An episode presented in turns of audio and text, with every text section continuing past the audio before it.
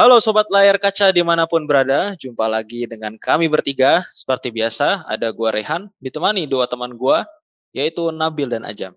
Ya, kali ini kita ada beberapa bahasan. Mungkin yang pertama adalah yang masih hangat sampai sekarang. Sudah beberapa hari masih hot-hotnya nih. Ada pemecatan Ronald Koeman ya. Ini mungkin para fans Barcelona sangat-sangat menantinya ya Ya, jadi si Ronald Koeman ini setelah kemarin kalah lawan Madrid, lalu kalah lagi lawan Rayo Vallecano. Langsung dipecat. Nah, tanggapan lu berdua nih tentang pemecatan ini gimana? Padahal menurut statistik ya, si Kuman ini nggak jelek-jelek amat. Dari 67 laga, ada 40 kali menang dan 16 kali kalah. Dan juga poinnya 1,96 per laga. Gimana menurut kalian berdua? Ajam dulu deh. Ya, tapi kan ini ya di uh. atas uh, statistik kita kan di atas kertas gitu. Dan ya. statistik uh, sering kali tidak menggambarkan apa yang terjadi di lapangan secara utuh. Gitu. Ya, biasanya nah, lu yang ngomong apa? statistik ya. Iya, biasanya lu soalnya ngomong statistik. Enggak, enggak, enggak. Terus ini lu bilang statistik. Lucu aja. Gitu enggak bagaimanapun juga ya yeah. bagaimanapun juga uh, statistik itu kan coba di atas kertas gitu okay. uh, uh, sering kali itu nggak uh, bisa menggambarkan apa yang terjadi di, di lapangan secara secara utuh gitu uh, termasuk dalam konteks hal uh, apa yang terjadi di Barcelona saat ini gitu uh, hmm. di mana Ronald Koeman dengan statistik yang lu baca mungkin nggak terlalu buruk juga gitu tapi secara permainan di lapangan apakah mengisyaratkan itu? Menurut gua enggak gitu. Uh, uh, Barca, Barca di bawah komen tuh kayak udah mulai kehilangan arah dan kehilangan kepercayaan diri dan emang benar-benar apa ya ini ini masa-masa masa-masa kalame Barcelona lah. Udah ditinggal Messi terus juga ya dari dari awal dari awal musim kan kita udah banyak bicara soal ini ya apa Barca ditinggal Messi iya, terus juga dosanya uh, Barca. Adaptasi-adaptasi baru apa yeah. pelatih baru apa uh, apa namanya presiden baru dan lain dan lain sebagainya. Jadi memang itu yang uh, lagi dihadapi oleh Barcelona sekarang. Dan ketika memang Komen belum bisa menghadirkan perubahan yang uh, signifikan dan memang secara permainan juga tidak tidak banyak memuaskan uh, tidak banyak memuaskan para fans gitu ya udah. Memang menurut gua layak-layak aja dipecat. Meskipun uh, pengganti sementaranya sih juga uh, tidak apa tidak meyakinkan juga gitu. Iya. Uh, Sergi Barguan gitu. Tapi uh, ya uh, dengar-dengar kan rumornya ada Syafi nih mau masuk nih yeah. tapi mungkin ada ada sedikit problem uh, pembicaraan hmm. uh, kontrak yeah. juga sama tim yang lagi ditangani di Qatar gitu. Jadi ya kita tunggulah ke depannya apakah memang uh, Safi bakal masuk dan apakah Safi bisa uh, merubah uh, Barcelona yang okay. lagi terpuruk ini atau tidak. Gitu. Uh, ini sih apa namanya? Gue sih uh, make sense ya. Uh, pertama, gue nggak bahas tentang kemarin dulu, gue bahas pelatih interimnya kita tahu lah bahwa Barcelona itu kayak uh, dia adalah sebuah sosios ya kan? Uh, klub itu berdasarkan jadi berkata fans mempunyai suara. Nah dan juga kita tahu filosofi Barcelona itu turun temurun sudah kental lah ya. Nah pemilihan si pelatih interim itu kan kalau sudah di Barcelona B kan yang mana dia baru masuk Barcelona B tahun ini. Tapi dia juga orang Barcelona dia pemain Barcelona. Nah jadi mungkin jadi pelatih interim ya untuk ngelamatin aja lah. Jadi dan gue tuh gengsi tinggi juga ya Barcelona ya. Udah mecat terus tapi tetap mau uh, mengorbitkan ya pelatih pelatih atau mantan pemainnya dia. Nah soal Koman ini sekarang gue tanya sama lu berdua jam ya, sama lu Ajam, sama lu Rejo. Gini ya. Ya. Apa yang anda Gimana, harapkan dari pelatih Everton dan Southampton di luar timnas Belanda ya? Tapi apa yang apa yang lu pikirkan coba satu dengar, hah mantan pelatih Southampton dan Everton. coba jam, gimana jam? Konon katanya kan secara filosofi kan ini ini pelatih masuk dengan sistem Barca. Konon katanya seperti itu. Tapi kan uh, Koman memang memang memang selama jadi pelatih ya apa ya bisa dibilang belum menghasilkan apa pun lah gitu. Belum belum membuktikan apa pun gitu. Uh, jadi memang ketika Koman ditunjuk tuh uh, banyak yang mempersoalkan, banyak yang mempertanyakan keputusan uh, manajemen Barca gitu. Tapi juga saat itu nggak banyak pilihan juga, nggak banyak pilihan pelatih yang tersedia juga. Jadi ya masuknya Kuman ya mau nggak mau. Uh, tapi dengan kualitas Barca yang juga sebenarnya nggak buruk-buruk amat sih ya. Apa dengan kualitasnya harusnya bisa bisa bisa di atas Sociedad, bisa di atas Betis sekarang gitu. Tapi uh, kenyataannya kan mereka mereka sekarang lagi di bawah mereka gitu. Apa uh, lagi di bawah Betis, lagi di bawah Sociedad dan uh, dan lain sebagainya. Jadi harusnya sih bisa lebih dari ini. Ya minimal bersaing di tiga besar lah. Kalaupun kata kalaupun mereka mereka insecure dengan squad yang ada sekarang gitu ya dengan berbagai problematika yang mereka hadapi, ya setidaknya eh, kalau nggak bisa bersaing di di papan atas untuk uh, meraih gelar titel juara La Liga ya eh, setidaknya ya bersaing di tiga empat besar lah di zona-zona UCL gitu. Tapi kan sekarang berkat berapa sekarang gue gue aja nggak tahu sekarang berkat berkat berapa nggak tahu deh. Oke, nah Co, kalau menurut lu gimana Co? Ditambah komen ya. ini ternyata kan saat saat transisi dari Bartomeu ke Laporta dia kan bukan bukan pilihannya. Menurut lu gimana? Iya.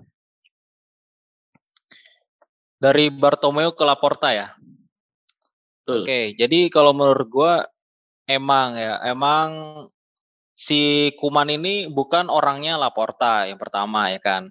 Terus yang kedua si Laporta ini pengen ganti pelatih, tapi waktu awal dia uh, jadi presiden baru-baru kepilih, dia belum ada alasan untuk menggantinya, mengganti si Kuman.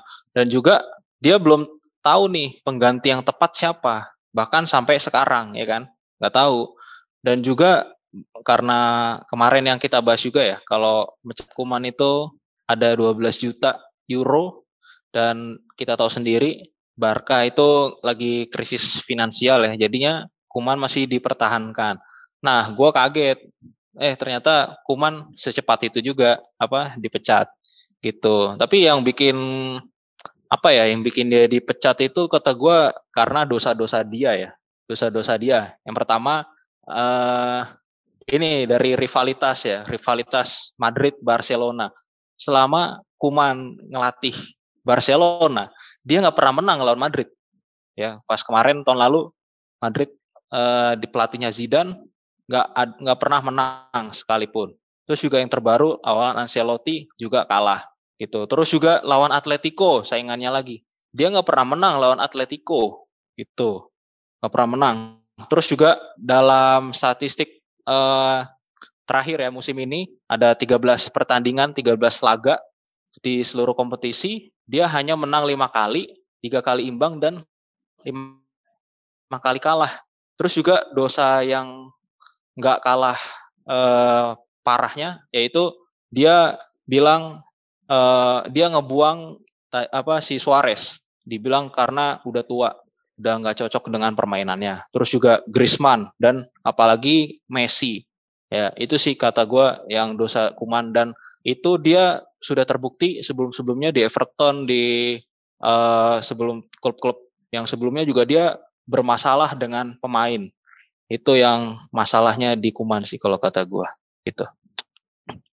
Nah, betul. Sebagaimana uh, uh, seniornya uh, di Belanda dan di Barcelona almarhum Johan Cruyff, lu boleh kalah uh. sama siapa pun kecuali sama Barcelona. Almarhum dong. Iya, kalau almarhum tadi gue bilang kan? tadi gue ngomong apa tadi? Iya, almarhum. Iya bener almarhum. Mendiang, mendiang aja mendiang. mendiang. Almarhum. Mendiang. apa-apa kan. Eh, kalau almarhum ya kan, itu gimana? Iyalah. Nah, almarhum kan apa -apa. Ya, ya. Eh, intinya nih, ya, intinya, intinya nih kalau gue bilang ya, kalau gue bilang kan sekarang kandidat kuatnya uh, Xavi Hernandez lah ya. Itu gue kesian yeah. aja, kesian aja ya. Dia dia datang di saat tim kebanggaannya, eh tim kebanggaan, timnya, terus nasionalismenya sama orang Katalan juga itu dalam compang camping dan dia diharapkan yeah. menjadi sebagai superhero gitu. Sedangkan dia saat ini ada di posisi nyaman di Qatar ya. Qatar Qatar apa Dubai apa Dubai sih? Qatar, Qatar, ya? Qatar, Qatar ya? Alsat. Memang ya. secara permainan tuh dia kalau kata orang itu kita kita KW 2 lah ya, KW 2. Ya. Tapi di sini eh menurut gua faktor keba keberhasilan itu satu kalau kata gua cara ngebenerinnya. Apa? dia datang benar-benar sebagai legend gitu si Cavi ini datang uh, berkata gue ngebos nih eh manusia-manusia kagak jelas main bola gue ada gue legenda gue treble winner di sini gue ngeraih segalanya di sini lu tunjuk sama gue tapi masalah bisa nggak ya? Kan nah, masih ada ini temen, masih ada teman-teman nah, nih? masalahnya masih ada, masalahnya masih itu. Alba Pique gimana gimana? Ya masalahnya itu. Jadi ya sekalian ya kita masuk ke Safi ya. Nah, Safi itu tadi apa ya? Dia secara filosofi uh, sangat kalau di Alsat ya, di Alsat itu sangat-sangat adalah cuplikan-cuplikan video itu sangat-sangat Barcelona sekali Tiki Taka ya. Mainnya cepat dengan perputaran bola cepat gitu. Uh, tapi tadi masalahnya yang lu bilang juga masih ada pemain-pemain senior temannya dia bisa nggak dia ngehandle ya ada Pique terus Jordi Alba, ada Sergio Busquets, ya kan? Nah itu tadi dan si tiga orang ini apalagi Pique sama Busquets itu harusnya udah cuma jadi cadangan lah ya, nggak jadi starter lagi gitu. Tapi yang yang gue heran kenapa mereka berdua ini uh, jadi starter mulu? Apakah karena pemotongan gaji kemarin jadinya mereka minta kompensasi tapi harus jadi starter terus atau enggak atau karena faktor lain juga gue bingung gitu.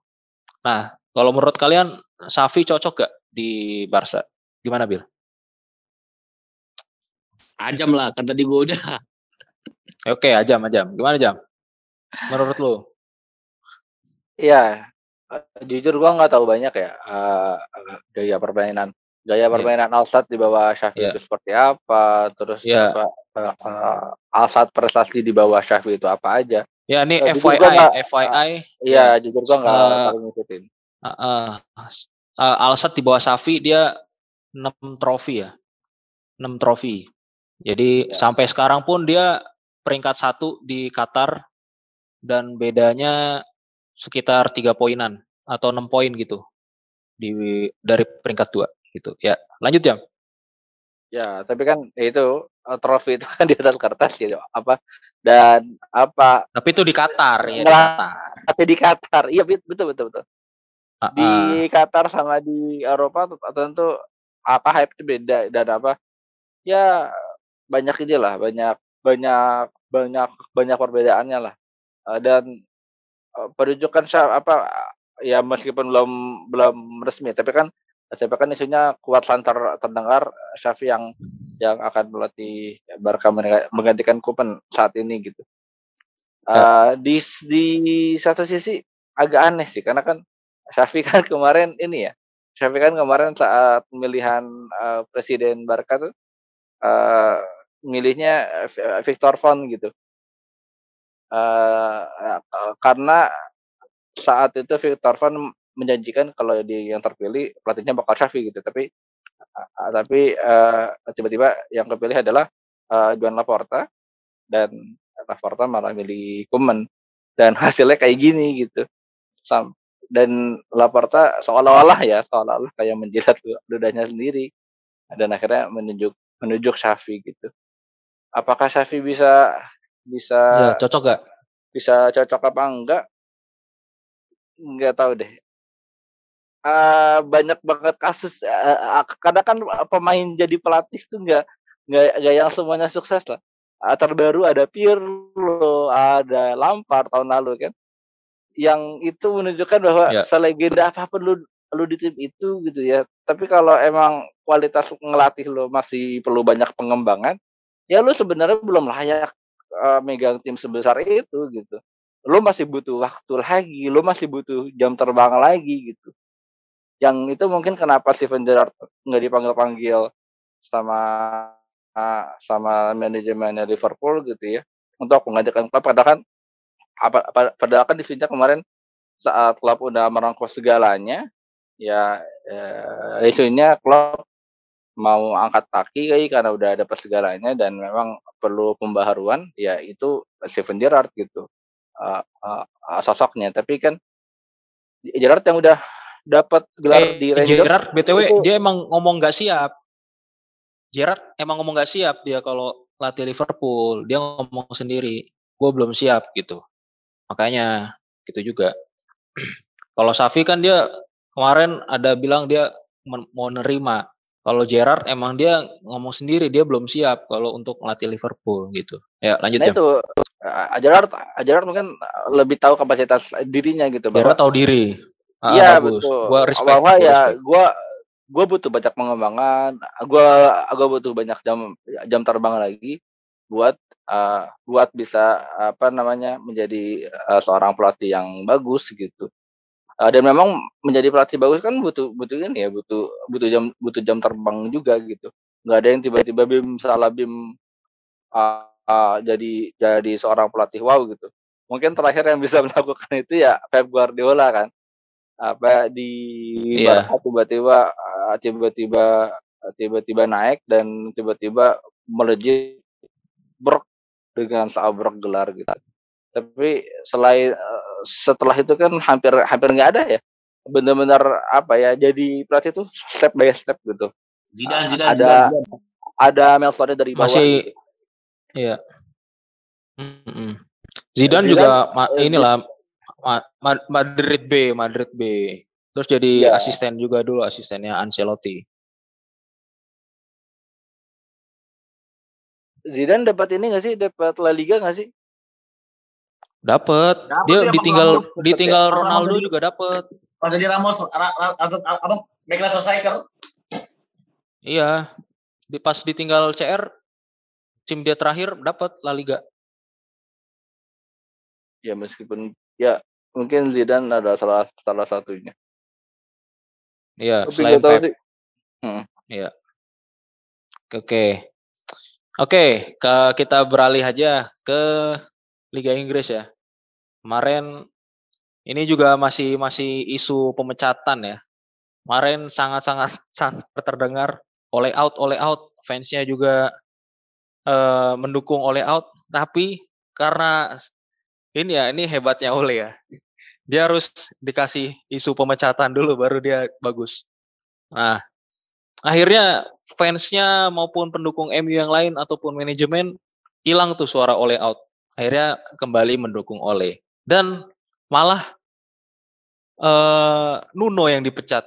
Padahal dia baru megang Tottenham 10 pertandingan dan uh, jadi pelatih Spurs dengan caps terendah gitu.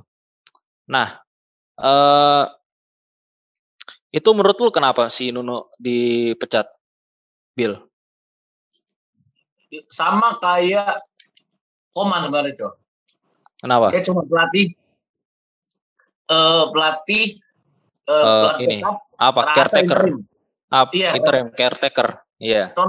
Kita, kita semua tahu, kita semua gak bakal mengira memang bahwa Nuno Espirito Sancho adalah eh adalah akan jadi pelatih Tottenham musim ini. Kita bahwa kita tahu bahwa dulu si Levi ngedeketin Antonio Conte. Iya. Nah, nggak ada yang mau ya ke Spurs. Iya, nggak ada yang mau. Cuma karena karena kan karena ya namanya Levi kan pelit. Sedangkan Conte BM yeah. kan mau. Ya udah. Sebenarnya sih kalau kata gue ya untuk tim sekelas Tottenham dia ngejar empat besar tuh sulit banget gitu sulit banget bener aja ya gue bukan sebagai karena gue fans Chelsea atau apa ya tapi memang sulit gitu dia berlawan empat uh, tim besar lah ya mungkin kalau dia ngincer kisaran Liga Eropa ya kan 56 lah kan aman. Ya. Dan bagi gue tuh ya. Bruno nggak buruk-buruk banget. Bahkan dia sempet loh, gue anehnya gini, dia pelatih terbaik buat bulan Agustus tiga kali menang, cuma cuma ngebawa ngegolin tiga gol ke bulan nol. Salah satunya adalah pas lawan City itu. Bisa dibilang ya, ya sebenarnya Levy itu nggak ya setengah hati aja gitu, setengah hati gitu. Nah, mumpung kemarin kalah, sama kayak Koman, mumpung ada puncaknya di pick, ya udah langsung aja udah puncak ya udahlah ganti lah cut off gitu. Oke. Nah, ini eh, apa kita ke pelatih lawannya yaitu Ole. Nah, Jam, apakah dengan hasil kemarin nih uh, skornya cukup telak ya 3-0. Itu apakah uh, menjadi bukti kalau pemain-pemain MU itu masih mau fight untuk Ole? Gimana Jam? Ya menurut gue kemarin MU bisa menang karena emang nyoba formasi baru aja sih. Jadi ada ada pembaharuan, ada penyegaran di sana gitu. Dan dan oleh ya. berani gak masukin apa nggak mainin Greenwood sejak awal, nggak mainin Rashford sejak awal, dan, nggak mainin Sancho gitu. Jadi memang memang itu sih kalau kalau memang lu udah ini ya udah di udah benar-benar di ujung tanduk apa yang apa yang lu apa yang lu susun nggak nggak apa apa yang lu susun nggak membuahkan hasil apa pun gitu ya bak bakal hasilnya bertolak belakang banget dari apa yang lo harapkan ya lo mau nggak mau harus nyoba sesuatu yang baru. Dan itu yang dilakukan oleh dan kebetulan kemarin berhasil. Kebetulan kemarin berhasil. Nggak tahu apakah uh, ketika besok akan lawan Atalanta uh, akan sama bagusnya ketika match kemarin lawan Tottenham? Dan apakah dia berani menurunkan apa uh, formasi yang sama juga? Itu yang menarik di di tonton sih uh, match besok gitu. Dan dan oleh kan emang siklusnya selalu begitu ya. Jadi apa uh, iya makanya. uh, mainnya bagus di awal-awal apa mainnya bagus terus uh, mulai turun terus uh, turun banget sering sering kalah gitu ya. Sampai muncul banyak banyak tagar oleh out terus tiba-tiba bisa menang lagi bisa bangkit lagi terus gitu muter gitu. Jadi ya itulah ya oleh itu cuma segitu sebenarnya nggak yang nggak yang benar-benar bakal bisa konsisten menjuarai liga tuh masih jauh lah tapi ya selama selama manajemen United masih mempertahankan dia ya fans-fans tim lain ya tepuk tangan lah, senang lah. Karena karena tahu bahwa United ya nggak bakal banyak perkembangan juga di bawah nih orang gitu. Ya nggak bol. Lu senang kan bol? Uh, ya. Kalau saya bol? Gua senang. Tapi kalau gitu gue ada pertanyaan buat lu nih. Kalau gitu berarti Oleh cocok untuk nanganin Newcastle dong. Atau Norwich. Karena tim-tim yang mau degradasi, semangat juang, di push, bisa tuh gimana? apa maksud apa maksud lo gitu nunggu MU dari juara generasi baru dia bakal bangkit lagi bahkan gue bisa bilang sekarang Arteta lebih baik daripada Ole ya uh, dilihat dari dari dari enam tujuh match terakhir mungkin katakanlah gitu di mana di mana Arsenal gak, gak terkalahkan tapi MU MU ya ampun performanya begitu nggak konsistennya gitu.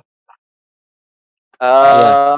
Tapi ya ini oleh di bawah MU nggak bakal ke mana-mana, tapi di sisi lain oleh nggak jadi dipecat, Conte nggak jadi masuk, tapi Conte malah ke Spurs kan. Dan nah, Spurs, nah, iya.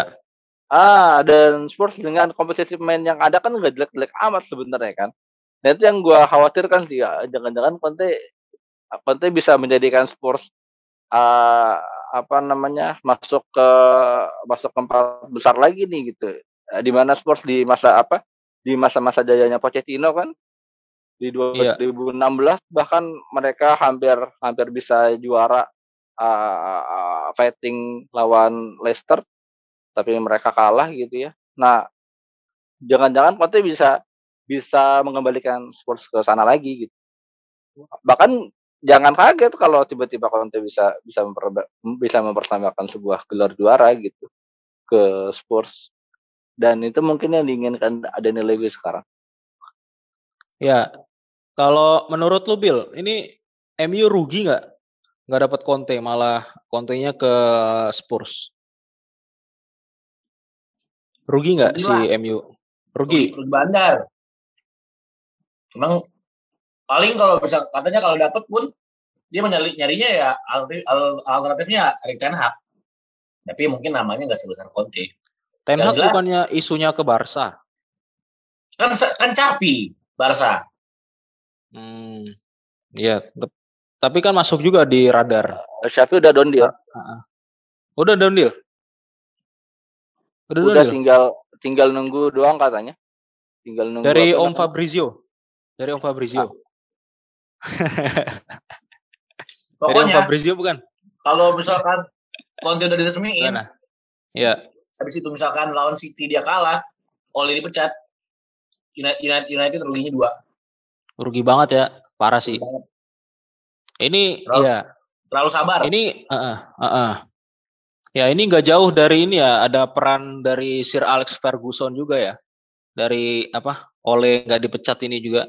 Terus kemarin dia bilang juga kalau uh, misal oleh nggak ada ganti-ganti, dia pengennya Pochettino yang gantiin Ole. Nah, ini menurut gua apa ya? Eh uh, ini masih ini nggak sih? Apa masih terlalu ber kuasa gitu harusnya dia merelakan aja nggak sih kayak ya udah gitu bukan emang bukan eranya dia lagi gitu udah biarin aja manajemen gak usah gak usah dia lagi yang nentuin gitu nggak sih apa gimana menurut kalian?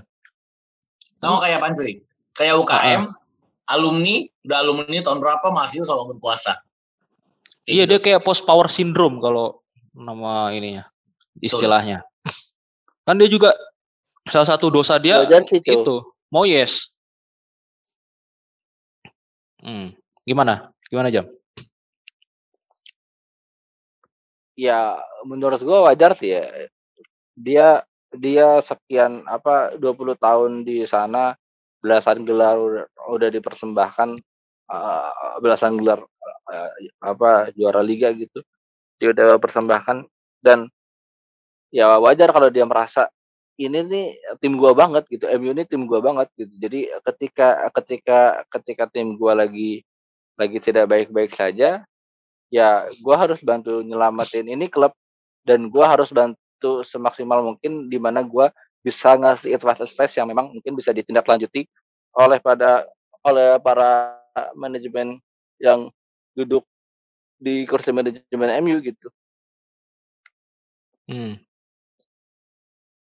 ya termasuk kemarin ketika ketika oleh dia bang pemecatan ya dia berusaha meyakinkan uh, manajemen MU agar ya oh, nanti dulu lah nanti dulu lah untuk bersabar uh, dua dua tiga match lagi dan kemarin kan lawan Spurs buktinya bisa menang gitu.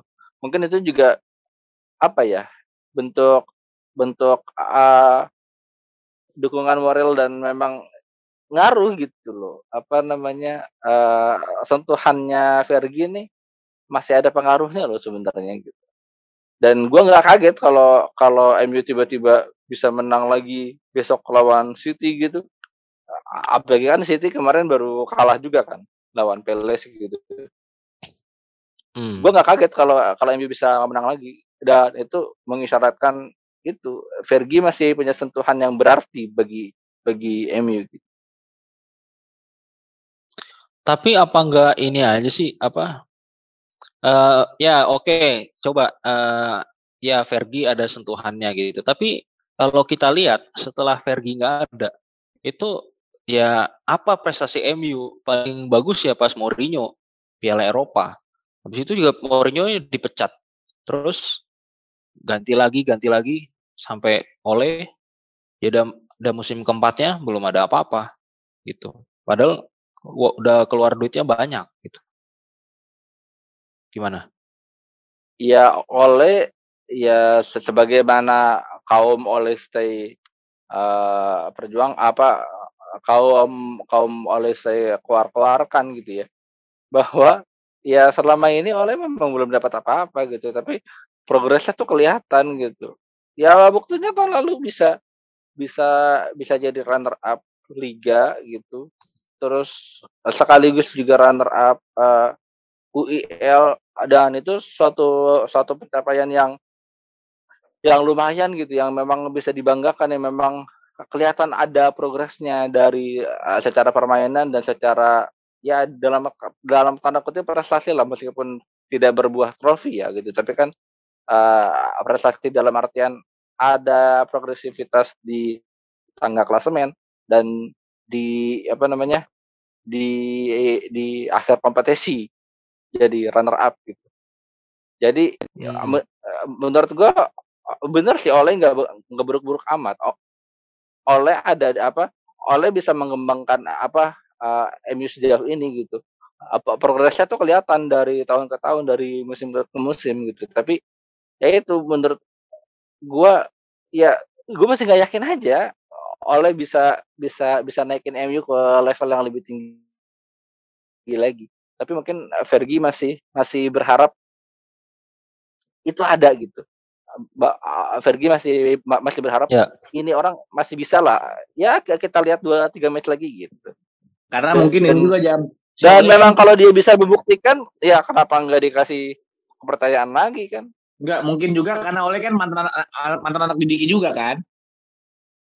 Kenal iya. lah. Anak gua nih.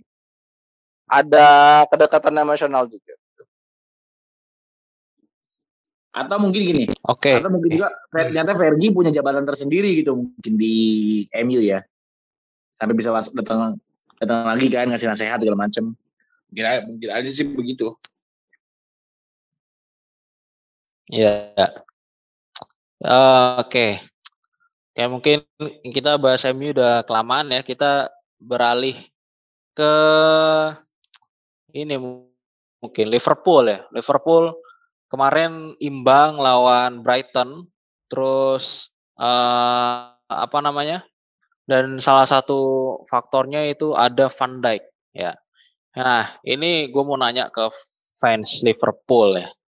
Nah, ini Van ini kalau yang kita tahu ya, sebelum dia cedera nggak ada pemain yang bisa ngelewatin dia.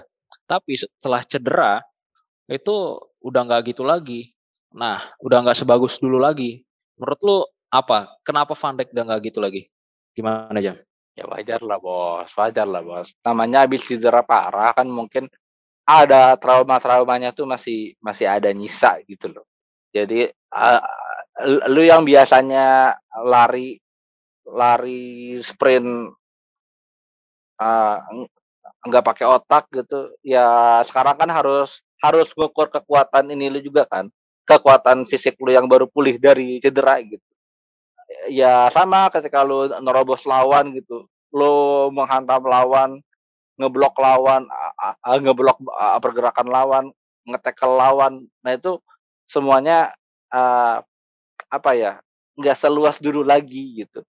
Ada ada tanggungnya ada ada apa ya bukan bukan tanggung lebih ke ini ada ada resistennya gitu hmm. ya dia nggak bisa se se ini dulu se apa namanya se Spartan dulu lah gitu uh, karena itu uh, karena mungkin masih ada trauma bahwa uh, cedera ini itu parah dan membuat dia absen absen banyak banget kan di ya setahun. hampir setahun gitu hampir setahun hampir satu iya, musim full gitu. setahun. gitu uh, uh, gitu jadi ya dia nggak mau itu tur orang lagi jadi mungkin masih ada masih ada resistensi itu tapi menurut gue yeah. seiring berjalannya waktu, ya gue harap sih Van Dijk bisa balik ke ke performa awalnya. Karena uh, yeah. se seburuk-buruknya Van Dijk, ya ya Liverpool kebobolan berapa sih gitu? Ya paling tiga yeah. kan gak yang gak lima gol ya. balas kan, gak yang lima gol yeah. balas kan. Kemarin peran Ellison sangat ini ya, sangat vital ya. Kalau nggak save banyak dari Ellison nggak tahu dah tuh. Ya, lagi-lagi lagi-lagi Alisson menyelamatkan Liverpool dari kekalahan. Tapi kan itu biasa ya, apa tim gede tim gede menyelamatkan menyelamatkan timnya dari kekalahan dari dari hasil imbang gitu ya itu biasa hmm. lu lu coba lihat Chelsea lawan Brentford gitu di mana Brentford apa 20 15 menit terakhir tuh benerang bener-bener nyerang habis-habisan gitu. Di mana kalau kalau kipernya bukan Mendy itu hasilnya mungkin bakal imbang atau bahkan Chelsea bisa kalah gitu. Iya. Karena itu uh, uh, tim besar tuh kayak gitu apa penjaga penjaga gawang yang sebagai palang pintu terakhir tuh memang kadang kala bisa jadi penentu hasil gitu. Dan gua salut sama Alisson dan memang harus diberikan kredit lebih di pertandingan kemarin. Oke. Nah, kemarin juga di pekan kemarin nih ada apa ya? Ada suatu insiden juga yang membawa salah satunya membawa nama Indonesia ya, ada netizen Indonesia. Bahas dulu dong, bahas dulu dong. Bahas apa? dulu dong. Insidennya berawal dari dari apa nah, dulu makanya bentar ya, dulu. dari penyebabnya bentar dulu. Dari iya. kekalahan City dong. Nah, City makanya yang kalah. Uh, Karena itu kalah sabar, dari Pele. Bos, sabar bos. Udah tampil uh, bagus, cetak gol. Nah iya, itu kemarin rasismenya Zaha tuh gimana sih awal mula kejadiannya gitu? Sampai rame. Itu. Uh, di mana City secara mengujudkan kalah dari Crystal Palace dan Zaha main bagus selama pertandingan bahkan nyetak satu gol juga dan ya ya gol pertama. gimana sih? Lu fans rival gitu ya? Fans rival terus uh, lu di itu ada fansnya ya? Apa? City ada fansnya ya? City ada fansnya. Mau nggak mau kita harus ngakuin. Ada fansnya ada. Ya yeah. meskipun cuma seujung jarinya fans Liverpool gitu mungkin secara jumlah gitu secara kuantitas gitu. Tapi ya kita yeah. tetap tetap mengakui keberadaannya lah gitu. Ah uh, itu. Zaha main bagus fans City, apa ada sekumpulan fans City yang memang kesal gitu ya. Uh, memang apa kesal dengan penampilan Zaha. Bahkan banyak yang menganggap uh. Zaha selama pertandingan kan banyak banyak ngelur-ngelur waktu banyak banyak apa namanya? Banyak uh, shit hostingnya gitu sama sosok sosok uh, Wilfred Zaha ini gitu. Tapi ya, ya. kalau lu kalau lu ngumpat-ngumpat kasar itu mungkin ya masih bisa termaafkan dan itu biasa banget lah. Uh, apa namanya? Uh, lu lihat ketika MU kalah 0-5 dari Liverpool di Twitter kan gimana tuh? Apa cak-cakannya MU kan? Apa kata-kata kosor kan kata-kata MU kan emang banyak fansnya. Iya. Nah itu. Enggak apa yang gua agak garis bawahi uh, ketika ketika memang ada hal yang ada hal yang menjengkelkan ya lu berkata kotor lu berkata kotor berkata kasar mungkin itu masih bisa masih bisa termaafkan gitu. Karena kata kata kata kata kata kotor kan ya berlalu begitu aja lah. Ya meskipun tuh ngomong black baik. black pick termaafkan uh, setidaknya masih bisa termaaf. Yeah. Kata bentar bentar. Bu, belum belum belum selesai uh, bro belum oh, yeah. belum yeah. belum belum selesai. Oke oke oke. Ya enggak. Ketika lu ngumpat ngumpat kata kotor kata-kata kotor itu masih bisa yeah. termaafkan. Tapi ketika lu udah rasis ngata-ngatain ngata-ngatain black black black gitu ya ya itu udah udah di luar itu gitu. Apa? Uh, uh, level level apa namanya level uh, resistensinya udah di uh, udah udah lebih dari ketika lu diumpat-umpat kata-kata kotor gitu lu diumpat yeah. kata-kata rasis kan lebih sakit kan lebih yeah. lebih sakit nah itu yang menyakiti seorang Wilfred Zaha yang akhirnya dia uh, apa up. namanya uh, speak up dia yeah, sharing di di sorry di sorry IG-nya beberapa beberapa apa tangkapan layar di mana dia di DM oleh banyak fans City yang salah satunya adalah ternyata dari Indonesia ya gitu. Kenapa salah satunya dari Indonesia ya itu ada kata-kata bangsatnya kan. Bangsat gitu. Apa iya. uh, black black black black bangsat gitu. Ya kalau bangsatnya doang sih nggak masalah ya gitu. mungkin dia juga nggak tahu bahasa itu apa sih gitu tapi yang yeah, digaris bawahi kan apa rasisnya itu gitu. Yeah. di mana memang Zaha selama ini memang jadi salah satu pemain Premier League yang yang paling banyak juga untuk apa mendapatkan rasisme gitu. Dan dia ini bukan sekali kalinya bukan sekali sekalinya dia dia speak up tentang uh, tentang rasisme. Itu udah udah udah udah banyak dia lakukan. Makanya dia kan sampai sampai nggak mau berlutut kan. Apa ketika ketika sebelum pertandingan itu para pemain berlutut gitu ya dia udah nggak mau lagi ngelakuin itu gitu. Karena hmm. menurut dia itu itu adalah suatu hal yang percuma gitu. Di mana itu ya cuma iya. cuma masih terulang terus ya? gimmick ah cuma formalitas dan gimmick gimmick belaka gitu nggak mengubah apa pun gitu. Jadi memang menurut gua gua setuju sih. ya. Ya gua setuju apa yang dilakukan oleh Zaha dan memang fans yang fans fans City yang memang rasis itu menurut gua harus ditindak sih. Iya. Oke. Okay. Ya. Uh, Oke, okay, kita beralih aja ke Hazard ya. Hazard. Ini uh, ada lumayan kencang beritanya. Itu kalau Ancelotti udah nggak mau lagi pakai Hazard, kalau ditanya kemarin ditanya sama pers, Gimana kalau Hazard kenapa nggak dimainkan? Terus apakah kalau dia ingin pergi boleh? Terus Ancelotti bilang, ya silahkan saya tidak pernah melarang pemain untuk pergi. Nah, Bill ya yang apa? Yang pernah mengidolakan Hazard dan menjadi legendnya Chelsea juga Hazard. Ini gue menurut lu? Eh, Hazard bukan pernah mengidolakan, masih mengidolakan. Oh masih malah ya, masih. Sampai sekarang, Bob. Oh iya. Sampai masih. cuy. Eh, gue ah. Asli gue gimana ngeliat, lu, lu ngelihat Hazard video, video Hazard di gue nangis. Iya, gimana lu ngelihat Hazard digituin? Eh uh, kita di da, da, apa pas zaman dia masih di Chelsea memang dia tuh bakatnya bagus banget. Yeah. Tapi sayangnya dia memang orangnya malas latihan.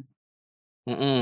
Dia bilang ngapain sih yeah. serius, serius, serius latihan kan? Dia main PS ya, ya. Oke, okay, nggak apa-apa. Tapi kan yeah. Chelsea kan dia ngegendong Chelsea kan dan bukan yeah. sebenarnya gak banget sih cuma seenggaknya kayak sistem permainan tuh dipusatkan di dia sebagai playmaker game changer lalu dia harus pindah ke klub impiannya dia nah yeah. balik balik lagi di pembahasan awal gue dia tuh orang pemalas gitu dia yeah. ibarat kata dia ke Madrid cuma buat gue pernah main di Madrid mimpi gue tercapai mungkin tujuan dia itu bukan untuk memenangkan memenangkan trofi atau untuk menjadi bintang di Madrid bisa jadi cuma niatnya cuma apa? Oh gue harus main di Madrid gitu. Akhirnya Impian cedera, akhir ya? cedera ya? berat hmm. badan badannya juga nggak atletis untuk seorang atlet kan. Iya ya parah. Udah. Beratnya jauh banget dibanding Chelsea kan masih kurus tuh. Di sini di C, di Madrid maksudnya di Madrid. Tapi kurus-kurus tapi tetap tetap bahenol tuh kan dia. Kocak iya, kalau lihat larinya. Nah, ibaratnya kan dia dibilang coba. apa? Bokongnya ya. Iya, di Chelsea kan dia ibarat kata dia bintang nomor satu, betul tidak? Ah. Nah, pas ke Madrid yeah. ada Benzema, ada Ramos, ada Toni Kroos, ada Modric. Yeah. Lu mau ngapain? Songong-songong, ya kan? Udah cedera kan, badan kagak bener. Ya elah, udah. Dan juga Ancelotti kan terkenal ini ya, pelatih yang tegas. Ya udah wajar yeah. lah kalau kata didepak. Tapi kalau didepak itu Chelsea disuruh buyback, mohon maaf, barang yang sudah dibeli tidak bisa dikembalikan. Eh tapi yang setahu gue ya Chelsea masih minat asalkan harga cocok gitu. Ya kalau harganya 20, 20 juta sih nggak apa-apa. 20, ya, 20 juta, ya. juta. Hazard dibeli 100. Wah emang Chelsea Mart nih kurang ya kan? Chelsea Mart. ya uh, ditambah ini ya, ditambah kan posisi Hazard tuh kalau nggak di pemain kreatif, kalau nggak di kiri ya, sayap kiri. Nah ini udah ada Vinicius yang lagi gacor-gacor ya di bawah Ancelotti. Ini semakin memperkecil peluang Hazard main ya. Kalau yang gue lihat gitu. Nah, ke jam menurut lo apakah Hazard nih sudah habis di Madrid? Apa hmm. masih Ya, Hazard udah habis belum di Madrid? Apa masih bisa gitu? Gimana menurut lo? Ya lu lihat statistiknya aja. gue sih itu karena ya kalau lu lihat statistiknya kan sama sekali nggak impresif ya. Nah, udah berapa ya. tahun sih di Madrid? Eh, gue aja nggak tahu udah berapa tahun karena ya, ya. memang memang memang dua atau tiga tiba-tiba menciut ya. kan, tiba-tiba menciut ya. gitu, tiba-tiba sering sering cedera langganan BPJS gitu ya. Ya, menurut gue Hazard agak susah sih kalau memang mau mau kembali ke performa terbaiknya. Uh, benar sih pilihan terbaiknya adalah mungkin pindah klub gitu di mana di klub yang di klub yang baru dia lebih bisa dihargai dan memang apa bisa bisa dapat jam terbang lebih dan mungkin bisa bisa apa ya bisa bisa memperbaharui ini dia memperbaharui uh, apa sih apa, gaya gaya main dia gitu. Gaya main ya. Oke. Ya, semoga harapan gue ya uh, sebelumnya ini ya yang gue baca itu ya Ancelotti udah udahlah terserah Hazard mau gimana. Tapi si Hazard itu dia masih mau berjuang. Dia nggak mau pergi gitu aja dari Madrid. Dia harus mempersembahkan gelar. Ya tapi ya kalau uh, harapan gue sebagai fans Madrid dan juga uh, eh, gue masih mendukung Hazard ya. Semoga dia bisa ke peak performanya lagi dan juga bisa balik. Ataupun misal dia eh, Madridnya ngejual, semoga dia dapat tempat yang bagus dan juga akhirnya dia menemukan performanya kembali gitu. Nah, itulah pembahasan podcast kita di episode ini. Simak terus podcast Fans Layar Kaca setiap minggunya di hari Rabu. Dan jangan lupa follow akun Instagram kami dan Twitter at bola underscore layar kaca untuk mendapatkan update info terbaru. See you guys. Assalamualaikum warahmatullahi wabarakatuh.